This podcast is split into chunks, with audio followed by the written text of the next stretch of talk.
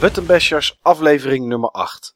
Welkom bij de enige podcast te vinden in het Nederlands die retro en huidige generatie mengt.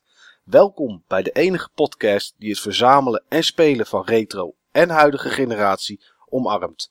Welkom bij de enige podcast waarbij het eigenlijk niet uitmaakt waar het over gaat, want het warme en gezellige stemgeluid van Steve, ook wel bekend als Mr. Serious, maakt alles goed. Goedenavond Steve. Nou, met, met zoveel lovende woorden, dan kan ik toch gewoon niks anders doen dan blozen. Jullie zien het niet, maar ik zit hier natuurlijk helemaal rood.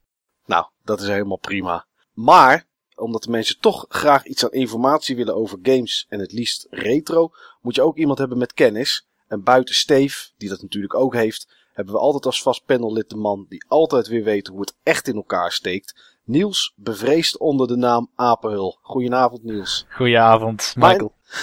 ja, ja, Michael. Nee, dat komt mooi uit. Want mijn naam is Michael. Uh, Dynamite op bijvoorbeeld het Palrox Forum. En op In The Game als Michael B. En vandaag beginnen we net als altijd met de Game Talk.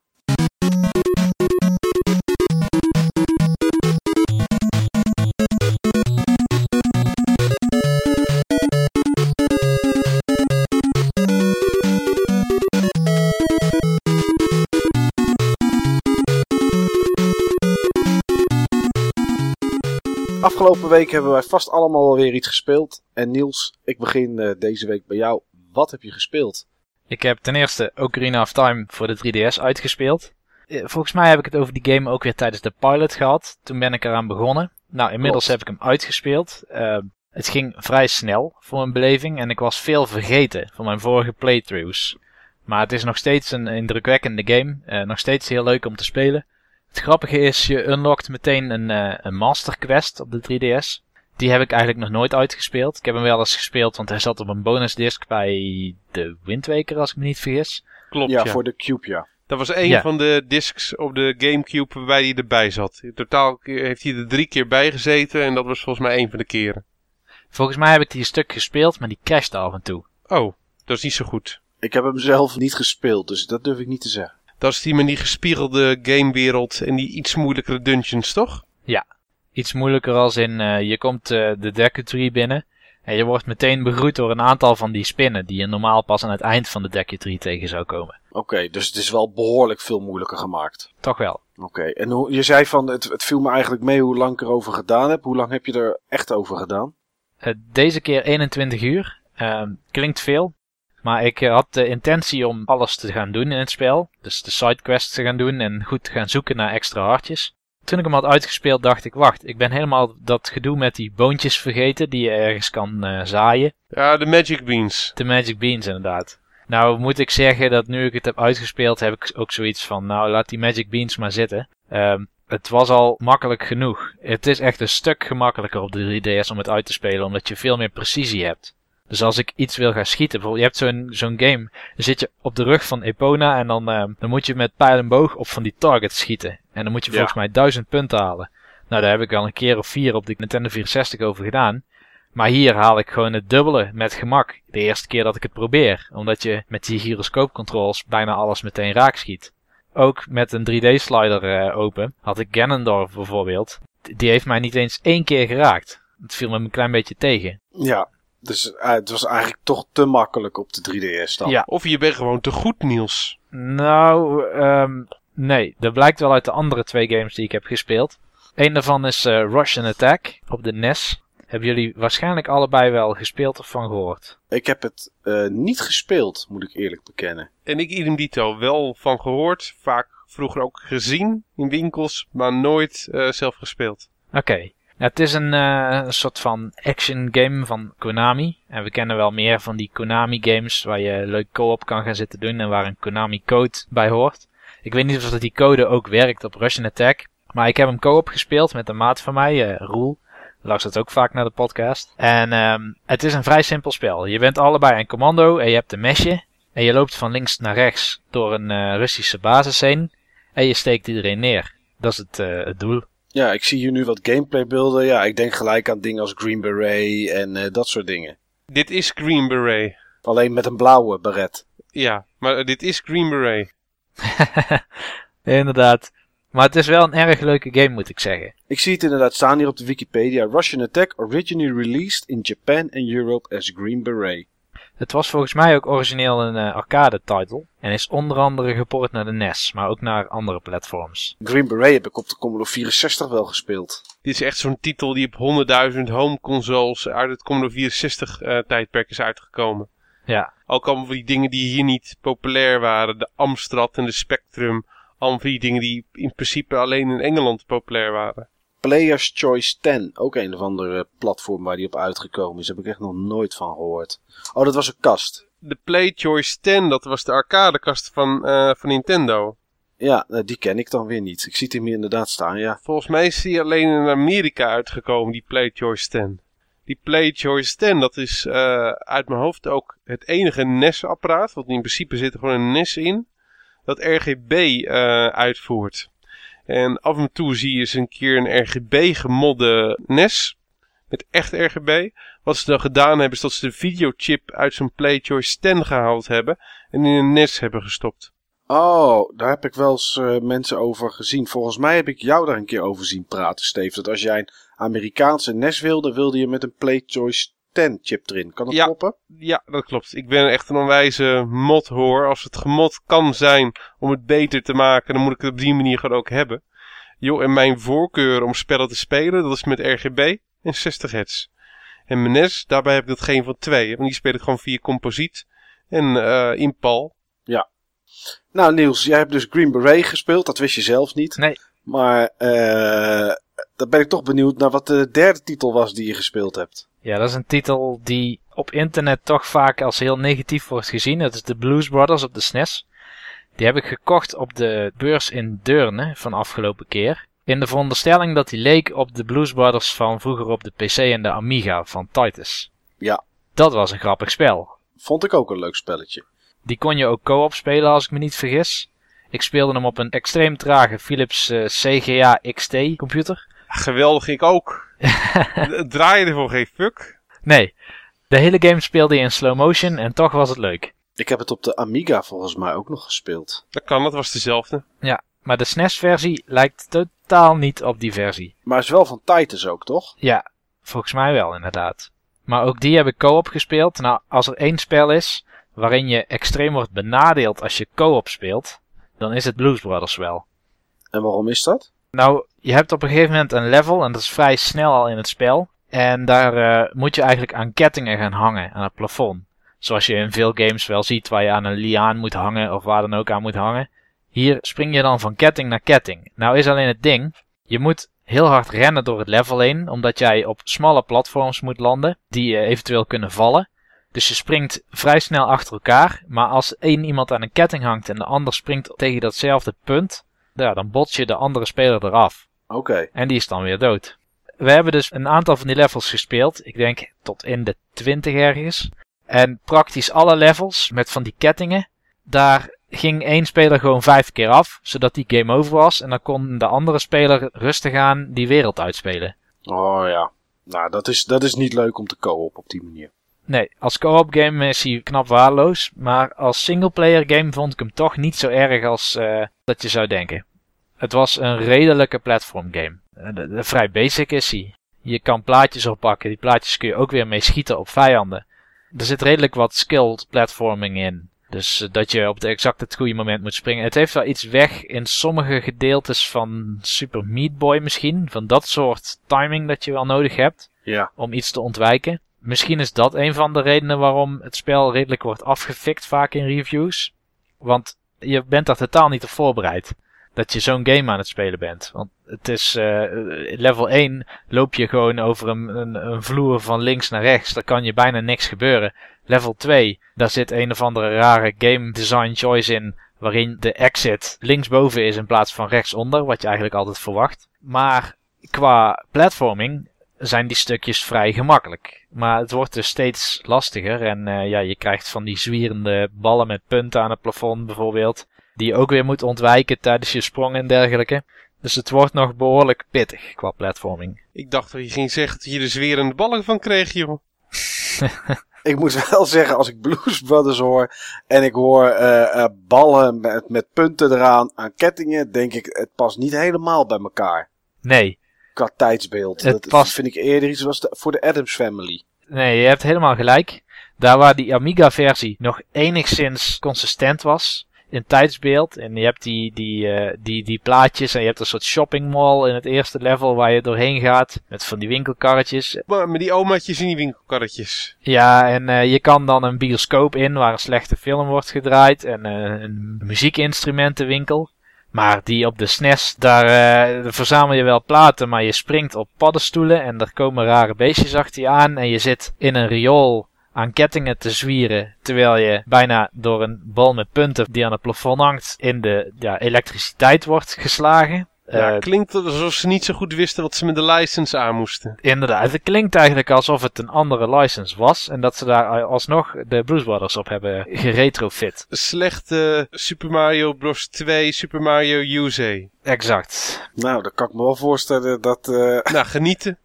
dat je daar echt veel plezier van Genieten. hebt. Nou, voor, Ja. voor een paar euro vind ik het toch wel aardig vermaak, want ik ben er toch een uur of twee mee bezig geweest. Nou, joh, als je wil kun je ook gewoon eh, ja, twee uur naalden in je, in je linkerarm eh, steken. Ben je ook twee uur onder de pannen. Dat is waar. Ja.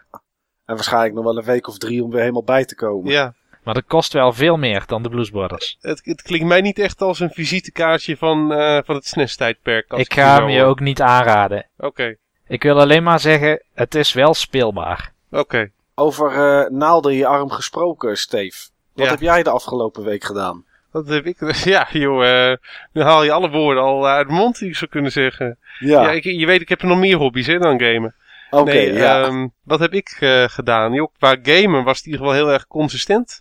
Ik heb eigenlijk maar één ding eh, gespeeld. En dat is eh, Fire Emblem Awakenings. Da. Ja, en ik eh, moet zeggen, ik heb mijn mening helemaal bijgesteld. Eh, ten eerste is die echt, echt heel erg goed. En eh, de tweede is die ook best wel moeilijk.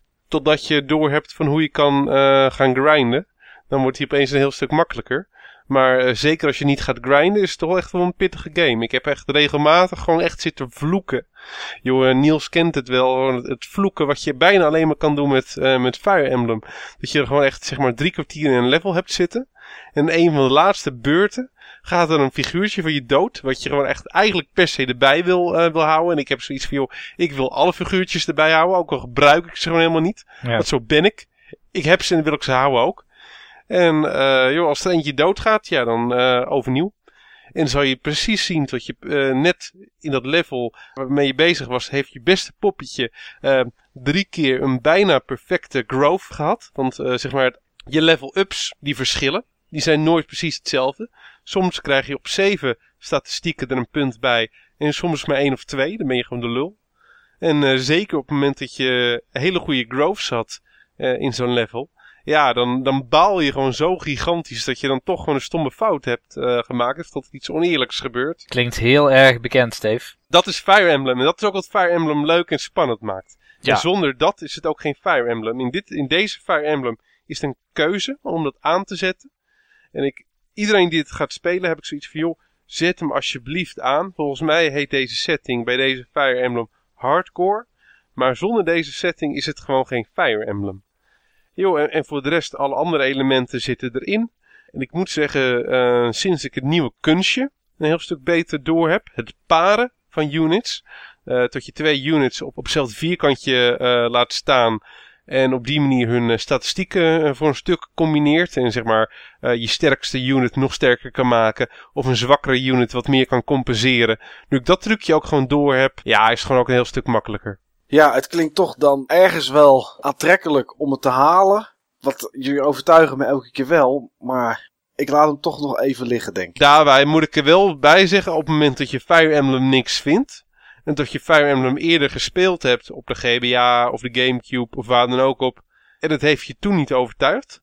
Dan gaat deze Fire Emblem je ook niet overtuigen. Want het is gewoon Fire Emblem. Vind je het leuk, dan vind je deze geweldig. Want naar mijn optiek is dit de beste Fire Emblem tot nu toe. Hij zegt heel erg af, heel erg verzorgd. Alleen ben je in het verleden een keertje teleurgesteld door Fire Emblem. En het laatste deel op de DS stel ik dan eventjes niet mee. Want die vond ik zelf eigenlijk ook niet zo goed. Die vond ik vrij saai. Maar dan gaat deze je ook niet redden, denk ik. Oké, dan denk ik. Eh, wat ik wel nog een keer in mijn achterhoofd hou, is als ik ergens de allereerste Fire Emblem tegenkom voor de GBA, dan zal ik die meenemen. Omdat volgens mij jullie alle twee die toch net iets beter vonden dan de Sacred Stones. Ja. Ehm, en gaat die me niet overtuigen, dan schrijf ik deze serie voor mij eh, gewoon af. Nou, wat ik eigenlijk hoor van Steve is dat als je overtuigd wil worden door Fire Emblem, Ja, dan laat deel. het dan toch de 3DS-versie zijn. Ja, vind ik ook. Ik ga er nog wel even over nadenken. Nou, eh, zullen we het woord dan maar geven aan Michael? Ik heb eh, de afgelopen week een Wii U in mijn bezit gekregen. Ik heb er een hoop op afgegeven in, eh, in, de, in de afgelopen anderhalf jaar. Dat was niet altijd volledig onderbouwd, omdat, ik het, omdat apparaat nog niet uit was of ik had hem zelf niet. Ik ben één keer bij Nintendo geweest om ermee te spelen. Ehm, daarna heb ik mijn mening eh, duidelijk geventileerd. En deze week was het dan eindelijk de beurt om echt thuis een keertje aan te sluiten. Ik, eh, ik moet erbij zeggen, en dat is wel iets eh, waar we misschien even van gedachten over moeten wisselen. Ik, eh, ik heb hem niet zelf gekocht. Van in de game eh, heb ik de, het exemplaar bij mij thuis staan. En misschien dat gedeeltelijk daaraan meehelpt of meewerkt. Dat je er dan anders naar kijkt dan dat je het zelf koopt. Ja, het is een soort van moedje. Nou, nee, het is geen moedje. Maar op het moment dat je eh, zelf een Wii U gekocht hebt, dan kan ik me voorstellen dat je er positiever over bent dan dat ik er nu over ben. Puur vanwege het feit dat je er geld aan uitgegeven hebt en dat je, Dat is een eh, basic stukje consumentenpsychologie, hè? ja, als je het gekocht Dat is een hebt. soort met van self-fulfilling prophecy eh, in de consumentenpsychologie. Ja, nou, en misschien ben ik dan wel de enige in heel Nederland die er wel eerlijk naar kijkt. Maar wat een rukapparaat. Het is. eh, ik heb zoveel. Nou ja, frustratie wil ik het niet noemen, want ik heb er geen geld aan uitgegeven. Dus dan is de frustratie wat minder. Maar goed, het apparaat kwam naar mij toe. Was al gedeeltelijk geüpdate. eh, maar er bleek toch nog een update klaar te staan. Nou, die heb ik s'avonds om half elf aangezet. Het tijdstip waarin Nederland langzaam naar zijn bed toe gaat. Dus eh, ondanks dat ik altijd netjes 120 mbit snelheid haal, dacht ik van nou, hè, misschien helpt het iets. Ik heb hem om half elf aangezet. Toen kwam er een systeemupdate. Toen heb ik een, eh een Mi aangemaakt. En toen was het eh, bijna kwart over twaalf. Zo lang ben ik ermee bezig geweest. De update dacht ik eerst dat hij in seconden stelde, maar de secondes bleken al vrij snel minuten te zijn. En na het downloaden van de update moest hij hem nog installeren. Nou, dat duurde ook echt een eeuwigheid. Maar het hele ding is echt, en nieuws, dat kan je niet ontkennen. Het is echt een trage console. Op het moment dat je iets wil doen met menus, krijg je een mooi wit scherm. En dan zie je zo'n Ja. zie je zo'n balletje of zo'n cirkeltje onderin zie je draaien. En dan zit je, nou zeker bij het aanmaken van, een, van die Mi zit je soms tussen de ene scherm naar het andere. Zit je gewoon 10 seconden te wachten. Nou. En weet je wat nog het ergste is, Mike? Nou, Dit is gewoon veel beter dan het was. Die, die laadtijden zijn gewoon meer dan gehalveerd. Nou, Ja. nou het, is, het is echt verschrikkelijk. Ik heb meerdere malen heb ik getwijfeld of ik nu wel eh eh, nieuw Super Mario Bros. U, of ik dat wel echt opgestart had. Dat ik niet nog een keer extra op openen moest klikken, maar dat het apparaat gewoon stond te wachten. En ik weet gewoon niet waarop. En dat vind ik echt, vind ik echt heel slecht. Nee, iets, iets Ja. anders wat ik echt heel slecht vind, en dat vind ik, vind ik ook echt heel slecht, is de gamepad die heeft eh, speakers erin zitten. En die kan je aanzetten en dan hoor je of andere geluiden of hetzelfde geluid als van de game. Nou goed, hè, leuk. Ik heb eh, een stukje verderop mijn tv staan. In mijn hand heb ik de gamepad. Ik had daar het geluid aan staan.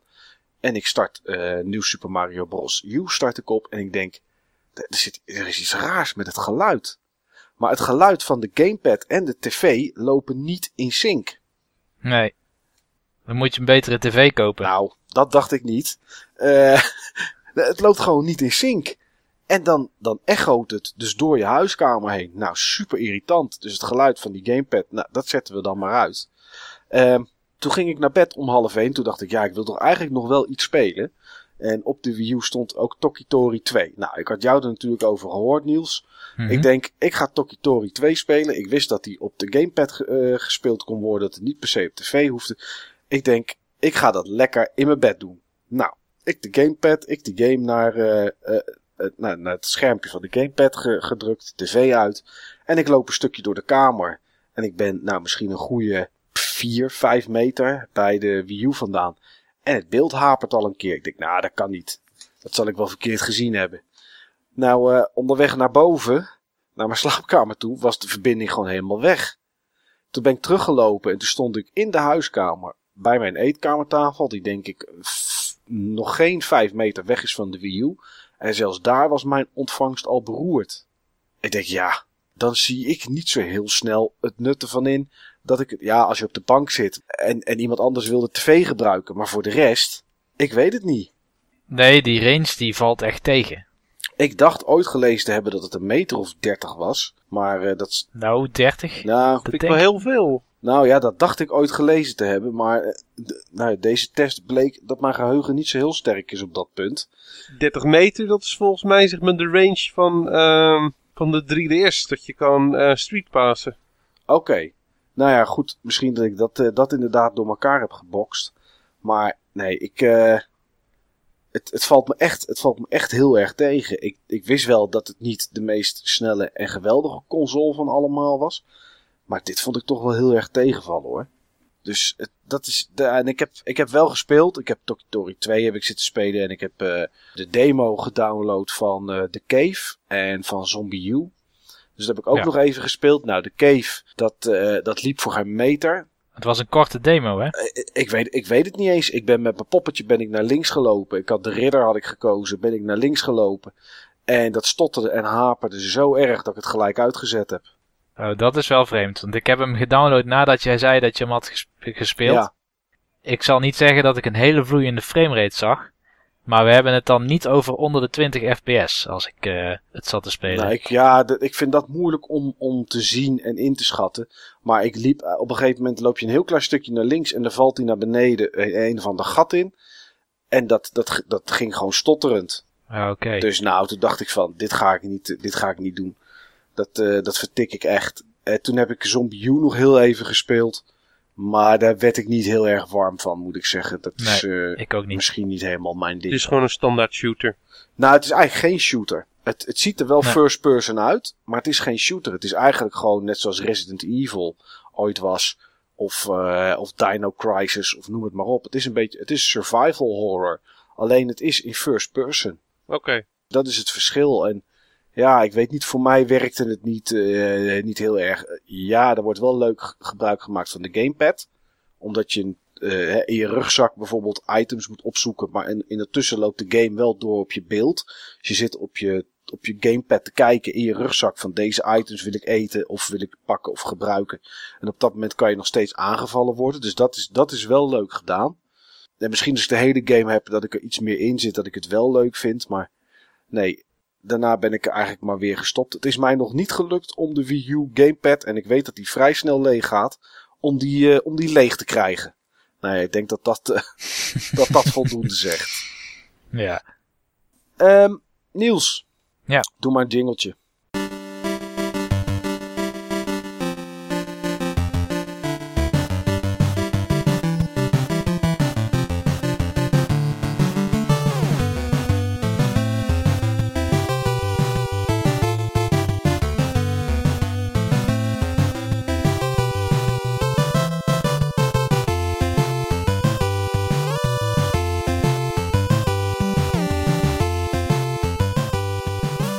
Waar ik het vandaag met jullie over wil hebben is het volgende, jongens, als hoofdonderwerp. Of is de Game Talk lijkt het wel meer het hoofdonderwerp vandaag dan misschien het echte onderwerp. Maar we hebben jo, maar toen ik, toen ik hoorde dat jij een Wii U uh, gekregen had, toen wist ik al genoeg hoor. Toen wist ik al dat dat ging gebeuren. Ja.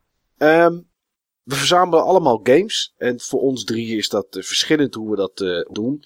Niels die zoekt puur op de games die hij graag wil hebben en waar hij wat over gehoord heeft. Steve zoekt en loopt tegen dingen aan. En neemt het dan mee. Uh, ik verzamel voornamelijk PlayStation 1. En als ik iets leuks zie, dan twijfel ik vaak nog van, nou zal ik het wel meenemen of niet.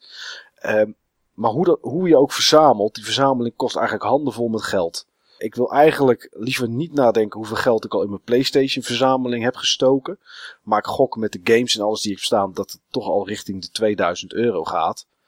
Gelukkig kunnen we alle drie doorverzamelen. Maar stel Steve, dat er iets voor zou kunnen zijn dat jouw verzameling doet stoppen. Dat je het weg moet doen. Soms zien we op het Parox Forum wel eens mensen die stoppen en ineens alles wegdoen. Of heel erg hun verzameling heel erg laten slinken. Wat zou voor jou een reden kunnen zijn om, om je, een gedeelte of je hele verzameling weg te doen? Jo, het, het enige wat ik kan bedenken is ruimtegebrek. En dan zou ik misschien een klein deel van mijn, van mijn verzameling weg kunnen doen waar ik weinig mee, uh, mee heb. Of waar ik weinig tijd in heb kunnen steken om het uh, te spelen. Maar in principe is het antwoord op de vraag heel simpel. Niks. Ik ben ook een uitzondering op, uh, op Palrox. En ik ben ook een uitzondering ja, qua mensen die ik zelf ken die met games bezig zijn. Ik heb gewoon echt nog alles wat ik vroeger had. Ik heb nooit iets weggedaan. Uh, ik ben ook opgevoed uh, door ouders die ook dingen verzamelden. In hun geval dan antiek. En die hebben me altijd bijgebracht. joh, je moet nooit dingen wegdoen. Want dan krijg je gewoon spijt van. En ik ben gewoon iemand die best wel gehecht is aan die spulletjes. En ik heb het ook gewoon nooit al te bond gemaakt. Relatief gezien dan. In vergelijking met sommige andere mensen. Ik heb natuurlijk best wel veel. Ik zal binnenkort eens een keer wat uh, foto's posten van mijn verzameling. Op het moment dat ik wat extra kasten heb. Um, ik doe voor mezelf wel wat rustiger aan. Ik koop niet meer op hetzelfde tempo als, uh, als vroeger. Ik merk ook dat de meeste tijd die ik in het gamen zelf stop, die gaat uit naar moderne games. Dus dan vind ik het ook logisch dat ik daar meer geld in stop en ruimte in voor, uh, voor vrijmaak dan in retro games. Zover ben ik inmiddels wel voor mezelf. Maar ik zie mezelf echt niet iets, uh, iets wegdoen. Anders dan dingen die ik eens een keer opgepikt heb per toeval, die best wel waardevol zijn en waar ik echt helemaal niks mee heb. Maar dat zijn de uitzonderingen. Ik spaar voor mezelf goede games. Games die goed aangeschreven uh, staan. Games die ik altijd heb willen spelen. Of al de games die ik later ontdekt heb en die ik nu graag zou willen spelen. Joh, dat gaat er niet van komen. Volgens mij was de vorige uitzending dat ik die conclusie had getrokken. Dat kost allemaal veel te veel tijd. Maar ik ga het niet wegdoen. En stel nou, uh, Steve, dat jij een hele leuke vriendin krijgt. En je blijft eh, zitten in je huisje waar je nu zit. En er komt een kindje en dan moet er ruimte komen. Dan kan je niet zeggen, ik doe een heel klein gedeelte weg. Ja, dat want klopt. dan heb je in één keer een kamer extra nodig. Wordt het dan verhuizen? Dat zou of? verhuizen worden. Want ik vind dit ook niet zo... Nou, joh, het is heel simpel. Ik vind het gewoon niet zo heel erg geschikt appartement voor, een, uh, voor met z'n drieën te gaan, uh, gaan wonen. Ja. Uh, daar vind ik het zelfs heel ongeschikt voor. Dus joh, ik zie het als een mooie kans om nog veel meer ruimte te hebben voor mijn games, uh, Mike. Ja, geldnood, zou dat iets kunnen zijn? Dat je uit nood games gaat ja. verkopen? Of ga je dan toch eerst iets anders dit, verkopen? Dit klinkt een heel beetje arrogant. Maar de manier hoe ik leef en ik mijn prioriteiten stel, is dat een non-issue. Oké. Okay. Ik, uh, ik zet games simpelweg nooit op de eerste plek. Joh, ik zet gewoon mijn, mijn vaste lasten, uh, sparen, de, de dingen die echt belangrijk zijn, die, die staan op een heel andere treden bij mij. Ik heb best wel ook een serieuze baan. Ik, het is niet alsof ik een student ben uh, ja, en, en tot ik zeg maar moeite heb met, uh, met rondkomen. Nou ja, iemand die s ochtends om tien uur al aan het bier zit, Steve, dat is toch ja, kan, Dat kan hard gaan. Dat kan ja. hard gaan. Jo, ik moet wel zeggen, uh, op het moment dat ik opeens gigantisch terug zou vallen qua inkomen, want dat kan natuurlijk ook. Iedereen kan zomaar ontslagen worden.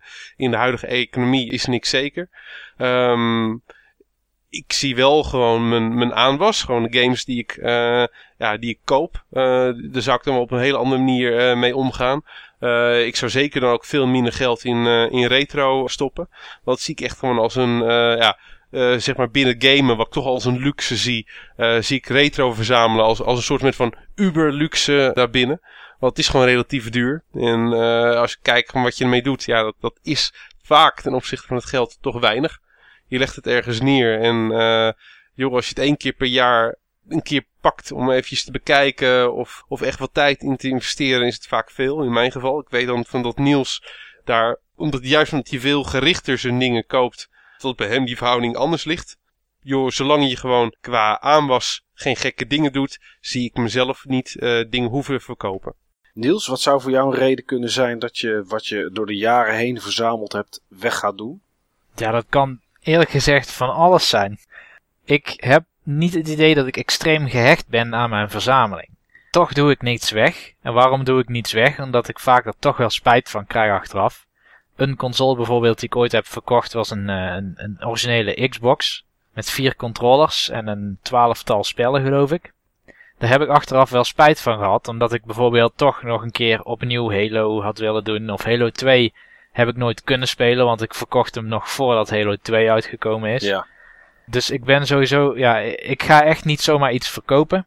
Er zijn wel een aantal dingen die mij daartoe zouden kunnen dwingen. Als iemand last heeft van mijn verzameling, iemand, iemand buiten mij, dan ga ik hem inslinken. Dus dan kijk ik wat ik kwijt kan. Misschien ga ik wel een complete console met een uh, verzameling voor die console wegdoen. Misschien maak ik een keuze dat ik, dat ik beslis van nou deze titels vind ik het leukst om te spelen. Misschien wil ik die toch nog ooit een keer spelen of aan iemand laten zien. Deze houd ik. De rest gaat eruit.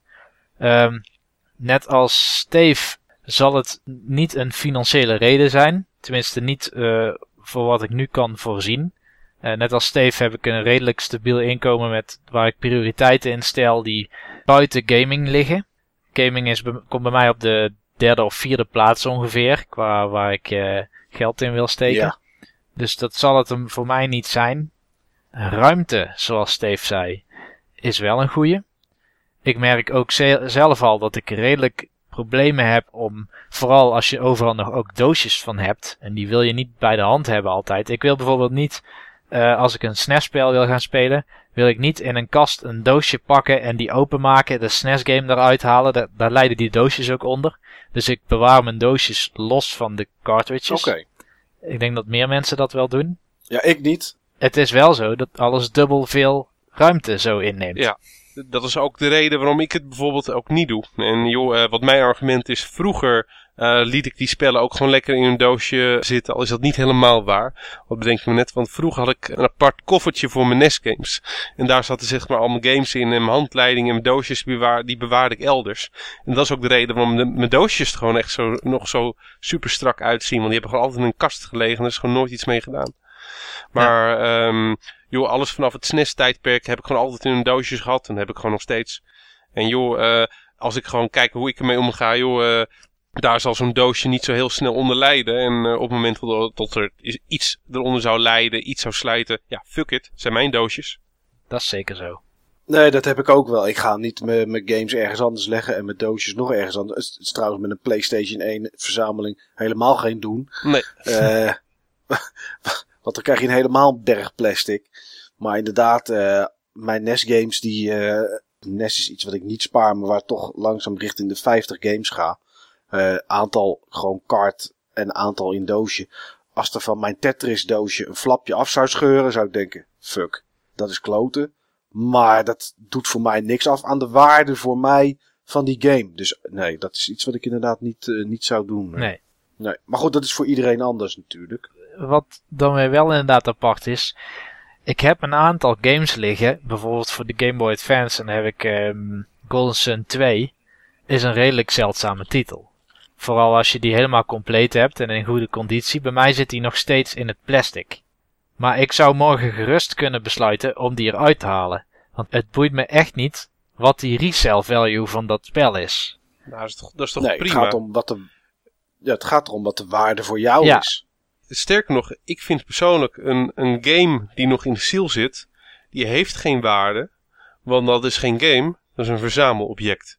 Daar kun je echt helemaal niks mee. Die kun je neerzetten, kun je naar kijken. Maar je kan er gewoon niet mee doen waar het allemaal voor bedoeld is. En dat is spelen. Ik kan me goed voorstellen van dat er mensen zijn die die dingen in die staat verzamelen. Omdat het uh, op die manier exclusiever uh, is. En dat het gewoon er wel mooi uitziet. Maar zelf heb ik zoiets van, joh, fuck it. Het zijn games. Het, zijn, uh, het cellofaantje is niet het product. De game is het product. En zolang dat cellofaantje erom zit, kun je gewoon het product niet consumeren. Nou, ik zou zelfs nog een stap verder willen gaan door te zeggen dat het eigenlijk geen verzamelobject is, maar gewoon een investering. Ja, voor die mensen vaak ook wel. Je, joh, je, je hebt, je hebt ja. sommige mensen die, um, ja, die verzamelen dat gewoon echt. En joh, je hebt mensen die investeren dat. Joh, die mensen die kunnen ze gewoon beter direct het gekke huis in gooien. Maar joh, het is natuurlijk de domste investering, lange termijn investering uh, die je kan doen. Op korte termijn kun je er aardig wat geld in, uh, in verdienen. Dat heb ik ook mensen zien doen. En uh, joh, als, als ik zou willen, zou ik dat zelf ook absoluut doen. Maar games zijn geen investeringsobject. Punt. Ik moet dan gewoon direct denken aan de bloembollencrisis of de bloembollenhype van uh, de Gouden Eeuw. En in de jaren negentig van de vorige eeuw, toen had je een hele groep, uh, grote groep Amerikaanse beleggers en ook beleggers in Europa, die hun geld belegden in comics. En uh, tot bepaalde uh, ja. comics op die manier gewoon echt disproportionele printruns uh, hebben gekregen. Tot, ja, tot comics die bij wijze van spreken een half miljoen keer gedrukt zouden moeten worden. Tot die 2 tot 3 miljoen keer gedrukt zijn. Joh, het enige wat je op die manier bereikt is het tegenovergestelde. Dat het gewoon op die manier geen flikker meer waard is. Nee. Kunstmatige manier van vraag en aanbod. Joh, ik denk wel, van als je kijkt wat er nu gaande is met sommige prijzen, dat snijdt echt gewoon wel, wel hout. Je ziet van tot met name nu uh, de generatie die opgegroeid is met, met de SNES, dat die dingen weer wil hebben. En dat is ook een van de redenen dat die SNES-prijzen zo gigantisch de hoogte in uh, gegaan zijn. Maar voor een heel groot deel is het puur gewoon ook speculatie en handel. En op een gegeven moment is dat gewoon over. Ja, nee, dat is ook zo. En, kan wel uh, lang duren. Heel veel kan mensen... wel lang duren. Kan wel een proces zijn van, uh, van jaren of, of langer. Maar joh, een voorbeeld waarvan ik weet van dat Steven van Video Game World en Paul Rox dat vaak wel eens naar voren haalt. Dat zijn ehm, de Tom Poes strips van, van Martin Toonder. Uh, die waren gewoon eerst heel veel geld waard. Die krijg je gewoon nu totaal niet meer uh, verkocht. Omdat die generatie die die dingen zocht, daar niet meer mee bezig is en voor een deel zelfs al dood is. En hoort hetzelfde zal gewoon voor die games zo zijn. Op een gegeven moment zijn die, uh, zijn die gasten die nu veel geld aan het pompen zijn. Ze zijn in een andere fase qua gezin of zijn in een andere fase qua baan. En dan gaat het allemaal weer net zo hard uit. Ja, nou, dat, is, dat gaat zeker wel gebeuren. Ik uh, stond onlangs, uh, heb ik wel verteld, heb ik even op een rommelmarkt gestaan een dag. Daar had ik een stuk of 40 PlayStation 1 games had ik daar bij me. Die ik, die ik toch dubbel had en die er voor de rest nog goed uitzagen. Qua doosjes en boekjes, et cetera. En toen kwam er ook iemand langs en die zei tegen mij dat ik ze gewoon, het beste was dat ik ze mee terug moest nemen. Want die zouden over een paar jaar, over een jaar of 15 of 20, zouden die nog wel een hoop geld waard gaan worden. Nou goed, ik heb hem uh, vriendelijk bedankt voor het advies en daarna in mijn vuistje gelachen. Uh, ten eerste omdat ik het niet geloof dat uh, een console waar zoveel games voor zijn geweest, dat alle games daar meer van waard gaan worden. Zeker niet van de PlayStation 1. Hè. Dan praat je over 1400 plus verschillende titels. Um, tuurlijk zijn er een aantal games die meer waard zijn, omdat ze, omdat ze wat zeldzamer zijn. Maar ik ga het daar niet voor bewaren. Ik ga het niet bewaren voor het idee van investering. En uh, als ik straks een keertje misschien mijn verzameling moet gaan verkopen omdat ik krap zit of wat dan ook. Dan heb ik nog ergens een, een hoek met een doos waar 400 PlayStation 1 games in liggen die misschien wat waard zijn. Dus nee, wat dat betreft is dat iets wat ik zelf ook nooit zou doen. Maar uh, wat zou jou ertoe brengen om van een deel of misschien van je complete verzameling afstand te doen? Het enige wat ik kan bedenken om het weg te doen, uh, zou geldnood zijn. En uh, uh, mijn vriendin, gelukkig, ondanks dat we ze wel eens begrapt wordt in deze podcast, waar ze overigens zelf ook wel om kan lachen, gelukkig. Die, die ondersteunt mij daar wel in. in. Niet in het verkopen, maar in het verzamelen. die komt zelf met: moet je niet wat kopen? En is dit niet leuk? Is dat niet interessant? Ah mijn zolder op dit moment in mijn huidige woning, daar kan nog, uh, kan nog redelijk wat bij. En als ik zou zeggen, schat, de, uh, de kledingkast moet echt een stuk kleiner worden of moet weg, want ik moet meer kasten neerzetten, dan wordt er ook een oplossing voor gezocht. Dus dat is eigenlijk ruimte en mijn vriendin is er eigenlijk helemaal geen, speelt daar helemaal geen rol in. Uh, een dochter heb ik al. Die is inmiddels elf, dus het is ook niet zo dat ik daar ruimte voor moet hebben. Al heeft hij gewoon wel haar eigen kamer. Dus het enige wat ik me kan bedenken, eigenlijk zou geld zijn. Uh, doordat ik in één keer minder ga verdienen, net zoals jullie zelf al aan, aangaven als reden. Of uh, ja, dat ik in één keer zo, zo'n onverwacht kostenpost op mijn nek krijg dat ik niet weet waar ik het vandaan moet halen. Ja dat is het enige wanneer ik het zou, uh, zou aanspreken. En voor de rest heb ik een beetje hetzelfde als, uh, als wat Steve heeft. Het enige wat ik niet meer origineel heb is mijn Commodore 64. Die heb ik ooit toen wel verkocht, maar toen was ik 13 of 14. Dus nou ja, misschien net even een andere tijdperk. Maar mijn uh, Amiga, mijn PlayStation 1, mijn PlayStation 2, mijn Dreamcast, mijn SNES. Uh, alles wat ik heb staan dat ik vroeger ooit gehad heb, dat is ook, uh, dat is ook echt van mij geweest ooit.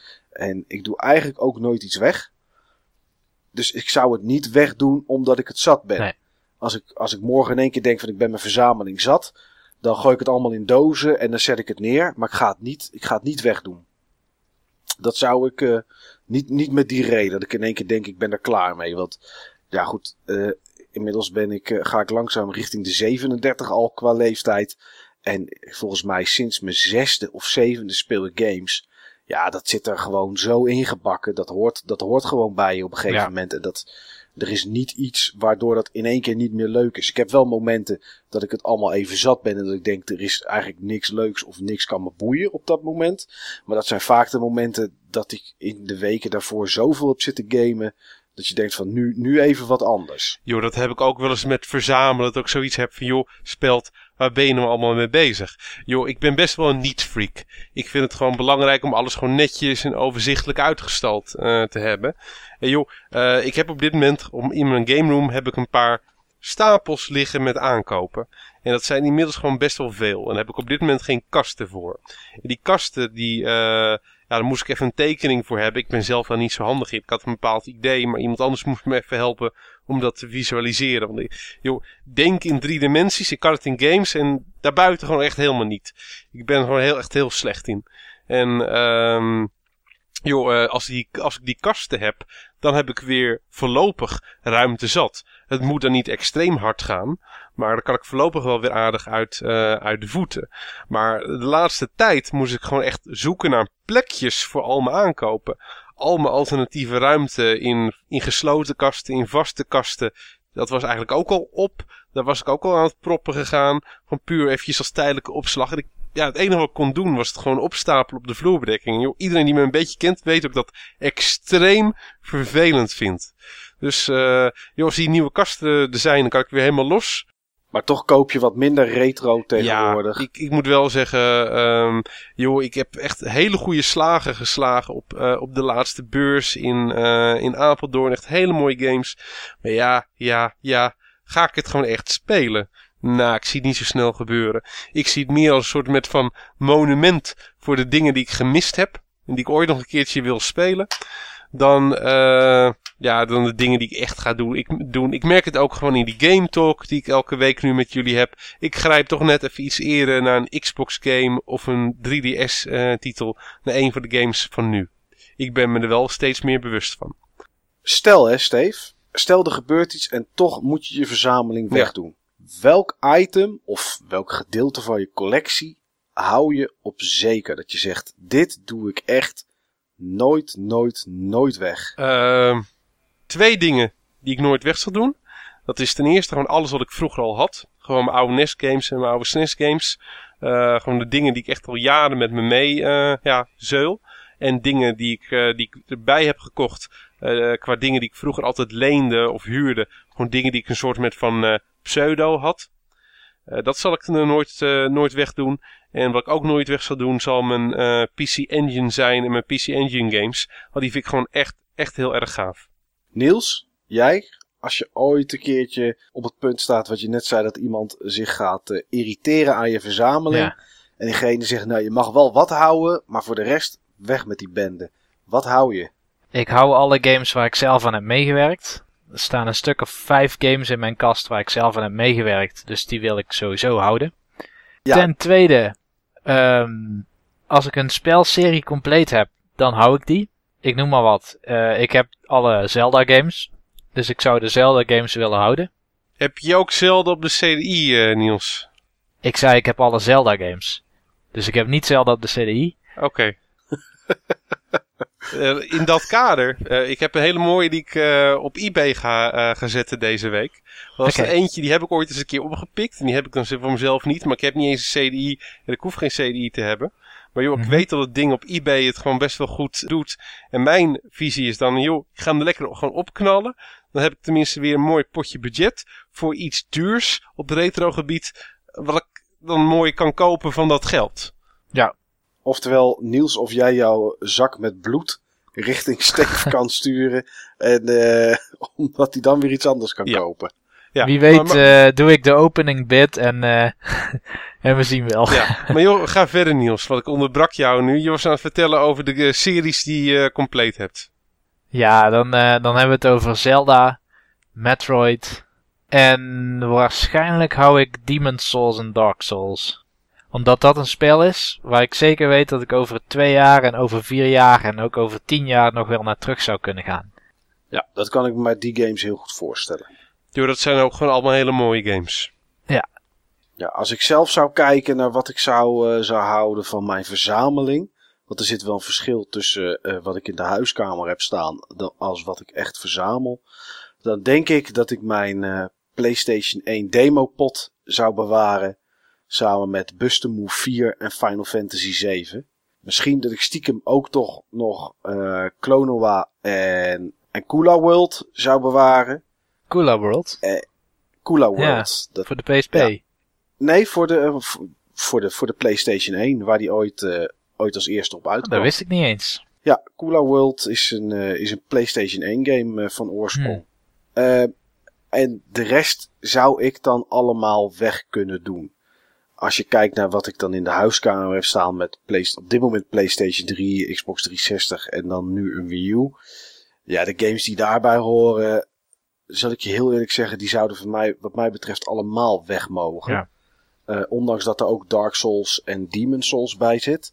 Maar dat heeft dan toch net even iets minder waarde dan, uh, dan een Final Fantasy bijvoorbeeld. Dan wel deel 7. Omdat het dan emotionele waarde, zeg maar, heeft.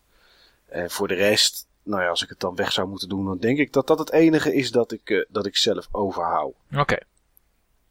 Ja, maar ik hoop, ik hoop echt van harte en ook voor jullie jongens dat het, uh, dat het echt nooit hoeft te gebeuren. Nou, dat hoop ik ook. Ja. Ik wil het overigens nog wel één ding aan toevoegen. Ik, ik kan me wel goed voorstellen dat andere mensen uh, andere keuzes maken hierin. Yo, ik, uh, ik was dan over mezelf gewoon echt heel erg stellig. En dan, uh, dat is ook een mening die ik heel erg duidelijk heb. En ik zie mezelf echt, echt heel uh, erg slecht van afwijken. Of gewoon niet van, uh, van afwijken. Want ik ken mezelf. Ik weet wie ik ben. Ik weet wat, wat mij mij maakt. En ik weet ook van hoe ik dingen geregeld heb. Waar ik waar aan hecht. Ik zie het mezelf gewoon niet doen. Punt. Maar ik weet gewoon dat niet iedereen die keuzes kan maken. Iedereen heeft weer zijn eigen achtergrond, heeft weer zijn eigen kader van wat mogelijk is en wat niet uh, mogelijk is. En joh, laten we eerlijk zijn, het zijn gewoon games. En op het moment van dat er andere dingen in je leven in het gedrang komen en andere uh, dingen heb je op dat moment geld of energie voor nodig, joh, prima om die keuze dan te maken. Vind ik een hele goede en logische keuze. Beter dan andersom. Ik zou ook niet weten waar ik mijn games boven zou stellen voor andere belangrijke zaken in het leven. Als ik zou moeten eten, dan zou ik er niet over nadenken om het, om het niet te verkopen. Als ik uh, bijvoorbeeld een nieuwe auto zou moeten hebben of wat dan ook, dan is die auto mij en die vrijheid die me dat geeft, is mij meer waard dan uh, een XCOM voor de PlayStation 1 en, en een Final Fantasy voor de PlayStation 1. Dus het is inderdaad, het is vrij relatief. Het zijn inderdaad, zoals je zegt, Steve, het zijn maar games. En voor sommige mensen is dat dan wel weer heel heilig. Maar voor mij is het meer een entertainmentwaarde die ik eventueel in het ergste geval ook nog uit goede tijden, slechte tijden zou kunnen halen. Dan zou je wel heel diep gezonken zijn, Mike.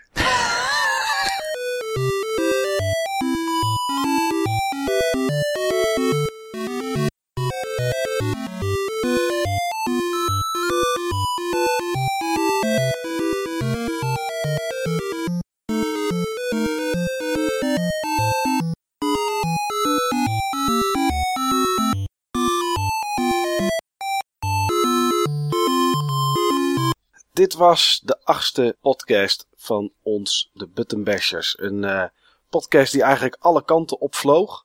Maar daardoor uh, niet minder interessant was, in ieder geval voor ons. Jo, we doen niks anders toch, Mike? Nou, soms gaat het wel gestructureerd. Maar we hadden eigenlijk zoveel dingetjes ja. waar we eigenlijk wel iets over wilden zeggen. En nu, nu was jij de host, toch? Goed. ik hoop in ieder geval dat jullie ervan hebben genoten. Uh, wij in ieder geval wel, want we hadden denk ik zo nog wel twee uur door kunnen kletsen. Maar aan al het goede komt een eind. En ik hoop ook dat het vrij snel gebeurt met de Wii Tot volgende week. Had je die nou ingestudeerd, Mike?